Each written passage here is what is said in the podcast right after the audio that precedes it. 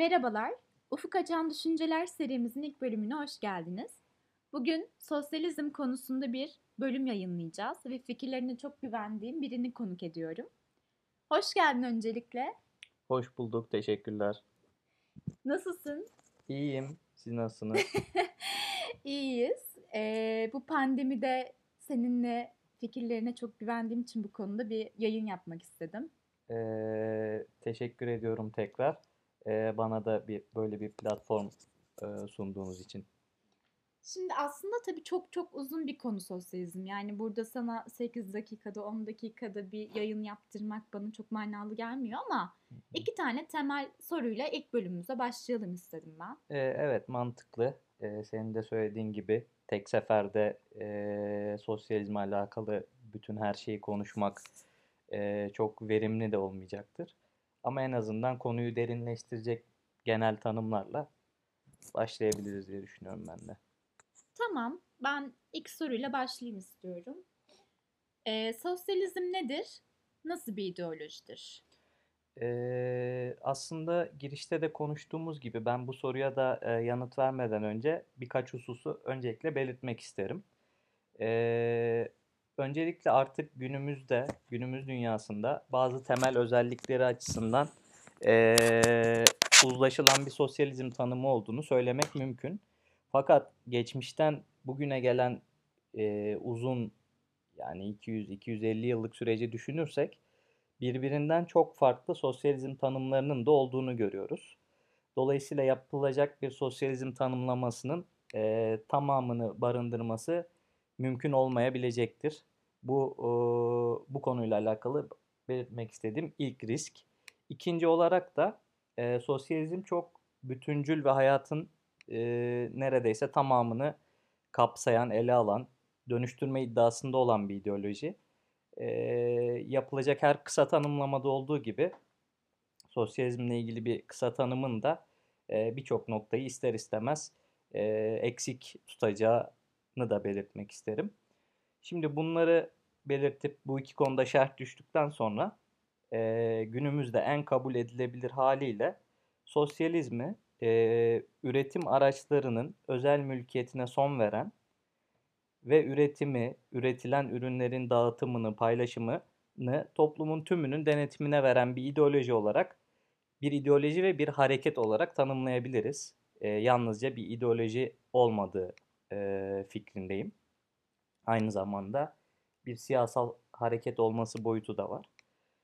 E, nasıl bir ideoloji olduğuna da gelirsek, e, sosyalizm aslında e, yani tabi bu tanımlamalarda daha ziyade Marx ve Engels'in başlatmış olduğu e, tanımın üzerine referans alıyoruz.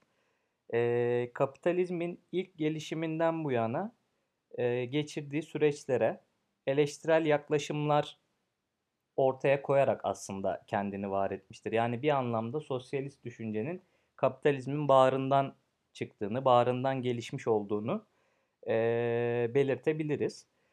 E, kapitalizmin ilk dönemlerinde e, kendisini sosyalizm olarak, sosyalist hareketler olarak adlandıran hareketler daha ziyade bilimsel bir e, temelden yoksun. E, kişilerin duygusal tepkilerine e, dayanan e, daha bireysel projeler olarak ortaya çıktığını görüyoruz. E, bu sebeple de e, toplum biliminin e, yasalarına dayanmadığı için günümüze kadar çok ulaşabilen fikirler değil. Fakat daha sonra demin de söylediğimiz gibi Marx ve Engels'in oluşturduğu temeller üzerinden bilimsel yönü de olan e, tamamen bir bilimsellikten oluştuğunu söyleyemeyiz belki ama bilimselliğe dayanan bir sosyalizm fikrinin geliştiğini ve günümüzde de e, kabul edilen, genel olarak kabul edilen tanımın e, buna dayandığını söylemek mümkün.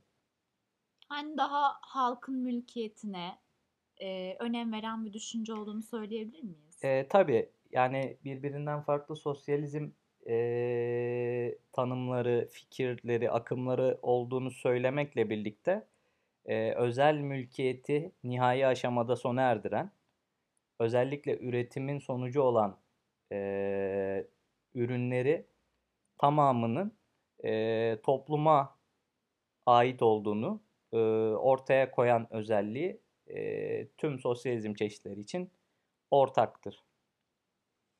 Çok güzel açıkladın. Yani halkçılık aslında yani halkçı bir bakış açısı olduğunu e, biraz daha vurgulamak güzel oldu bence burada.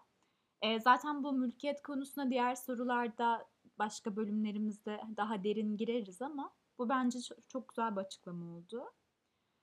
E, ikinci sorumuza geçelim uygunsa. Tabii. Neden yaygın ideoloji olan kapitalizmi savunmuyoruz? Yani neden buna karşıyız mesela? Ee, bu soruya da gene bir ön açıklamayla başlamak belki faydalı olabilir. Öncelikle e, kapitalizmin dünyada insanlar tarafından yaygın bir şekilde kabul edilen bir ideoloji olduğunu düşünmediğimi söyleyerek başlayabilirim. Bunu biraz açmak için kapitalizmden ne anladığımızdan belki biraz bahsedelim.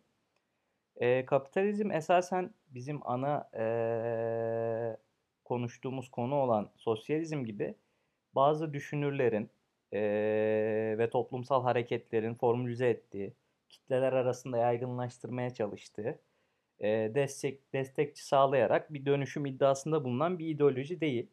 Aslında kapitalizmi de bir sistem olarak e, sosyalist düşünceyi ortaya koyan, temellendiren düşünürler tanımlıyor.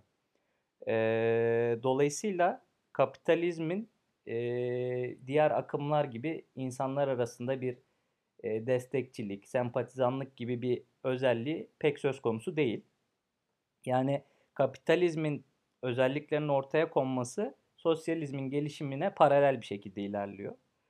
E, sosyalizmi deminki soruda da söylediğimiz esas temellerini oturtan Marx ve Engels aslında aynı zamanda en önde gelen kapitalist sistem çözümleyicileridir.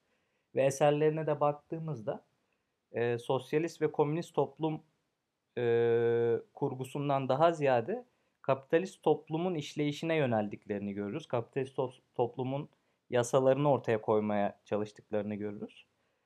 Yani kapitalizmi aslında e, gene basitçe tarif etmek gerekirse feodalist feodalizmden sonra gelen üretim araçlarının özel mülkiyetine dayanan kitlesel emeğin e, ürettiği artı değerin sömürüsüne e, imkan veren bir düzen olarak tarif edebiliriz. Şimdi e, bu şekilde bir tarif ortaya koyunca e, böyle bir sistemin insanlar tarafından zaten yaygın olarak desteklendiğini söyleyemeyiz. Soruyu belki farklı bir şekilde düzenleyerek konuşabiliriz ama e, neden hakim sistem olan kapitalizmi savunmuyoruz? Çünkü kapitalizmin hakim bir sistem olduğu e, da evet, evet aşikardır. Yani insanlar tarafından e, yaygın olarak benimsenmemesi hakim olmaması anlamına gelmiyor. Hı hı. E, şimdi gene biraz önceki tarifimizden yola çıkarsak ki bu sosyalist eleştirel gözle yapılan bir tarif. E, ama dediğimiz gibi zaten kapitalizmi esasen tanımlayan da bu düşünce olmuştur. İnsanların ürettiği emeğin ortaya koyduğu değerden daha azına sahip olduğu, ürettikleri ürüne e, bütün bu kapitalist sistem süreci içerisinde yabancılaştığı, toplumun ciddi bir kısmının zor koşullar altında çalışırken çok ufak bir kısmının çok büyük bir e, servete sahip olabildiği bir toplumsal düzeni savunmak, böyle bir adaletsizliği savunmak öncelikle etik olarak çok e, doğru gelmiyor tabii ki. İnsan değerler açısından bu yönde bir savunma geliştiremiyoruz. Fakat bu e, rasyonel değil, duygusal bir tepki. Hani bunun rasyonel dayanağı nedir? Kapitalizm eleştirisinin rasyonel dayanağı nedir? diye e, sorulacak olursa da e, kapitalizm toplumun e, genel anlamda gerçek ihtiyaçlarını tespit edip buna yönelik üretim ve ihtiyaç sahiplerine yönelik dağıtım yapan bir e, kurguya sahip değildir. Zaten yapısı gereği sahip değildir. E, aynı zamanda da e, tüm insanlığı ilgilendiren küresel sorunlara işte ekoloji olabilir bu e, örneğin. E, insanlığı tamamen bir araya getirip kolektif bir çözüm geliştirecek bir e, yeteneğe de sahip değildir. Zaten bu yönde e, geliştirildikçe aslında e, kapitalist özelliği de azalmaya başlar. E, bu açılardan da e, bakıldığında e, kapitalizmi savunmak değil, tam tersine e, elde olan tüm yöntemler doğrultusunda farklı bir alternatif e, sistem geliştirmesini yapmak, kapitalist sistemin eleştirisini yapmak ve yeni bir toplumun doğuşunun olanaklarını konuşmak e, kapitalizmi savunmaktan daha anlamlı görünüyor. E, anlıyorum. Oldukça güzel açıkladım bence de. Yani bu kapitalizm konusunda bence diğer bölümlerde daha net girelim, derin girelim. Hı hı. E, çünkü mesela şu iddialarda var ya hani kapitalizm savunucuları tarafından işte fiziksel harcanan bir e, emek mi işte yani aslında işçinin e, harcadığı emeği bazı kişiler mesela daha farklı görüyor. İşte Hı hı. ben zenginim çünkü ben şöyle bir emek harcıyorum ne bileyim daha belki e, zihinsel e, bir ürün koyduğunu düşünüyor.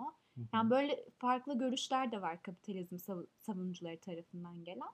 Onları da belki daha derin inceleriz. Şu an e, ben çok güzel açıkladık bu iki soruyu. Sen ne düşünüyorsun? Hı hı. Ee, evet dediğin gibi e, bu bahsi geçen konular hem kapitalizm başlığı altında konuşulabilir hem de aslında gerçekten de e, reel sosyalizm deneylerinin de sorun yaşadığı başlıklardır aynı zamanda. E, emeğin tanımı, Evet, e, emeğin ortaya koyduğu değerin tanımı, Hı hı. e, emek ücretlerinin nasıl belirleneceği, bunların her biri zaten gerçekten de e, sosyalizm deneyimini yaşayan ülkelerde e, ciddi tartışmalara da sebep olmuş. Ve dediğin gibi e, sosyalizme karşı olan kişiler tarafından da sosyalist sistemin eksikliği, imkansızlığı e, noktalarından eleştirilmiş konular. Ama evet bunları da e, belki her birini ayrı oturumlarda konuşmak daha uygun olabilir. Doğru diyorsun. O zaman teşekkür ederim geldiğin için, konuk olduğun için. Ben teşekkür ederim bu konunun tartışılmasına bir olanak yarattığınız için. Hoşça kalın. Bizi dinlediğiniz için teşekkür ederiz.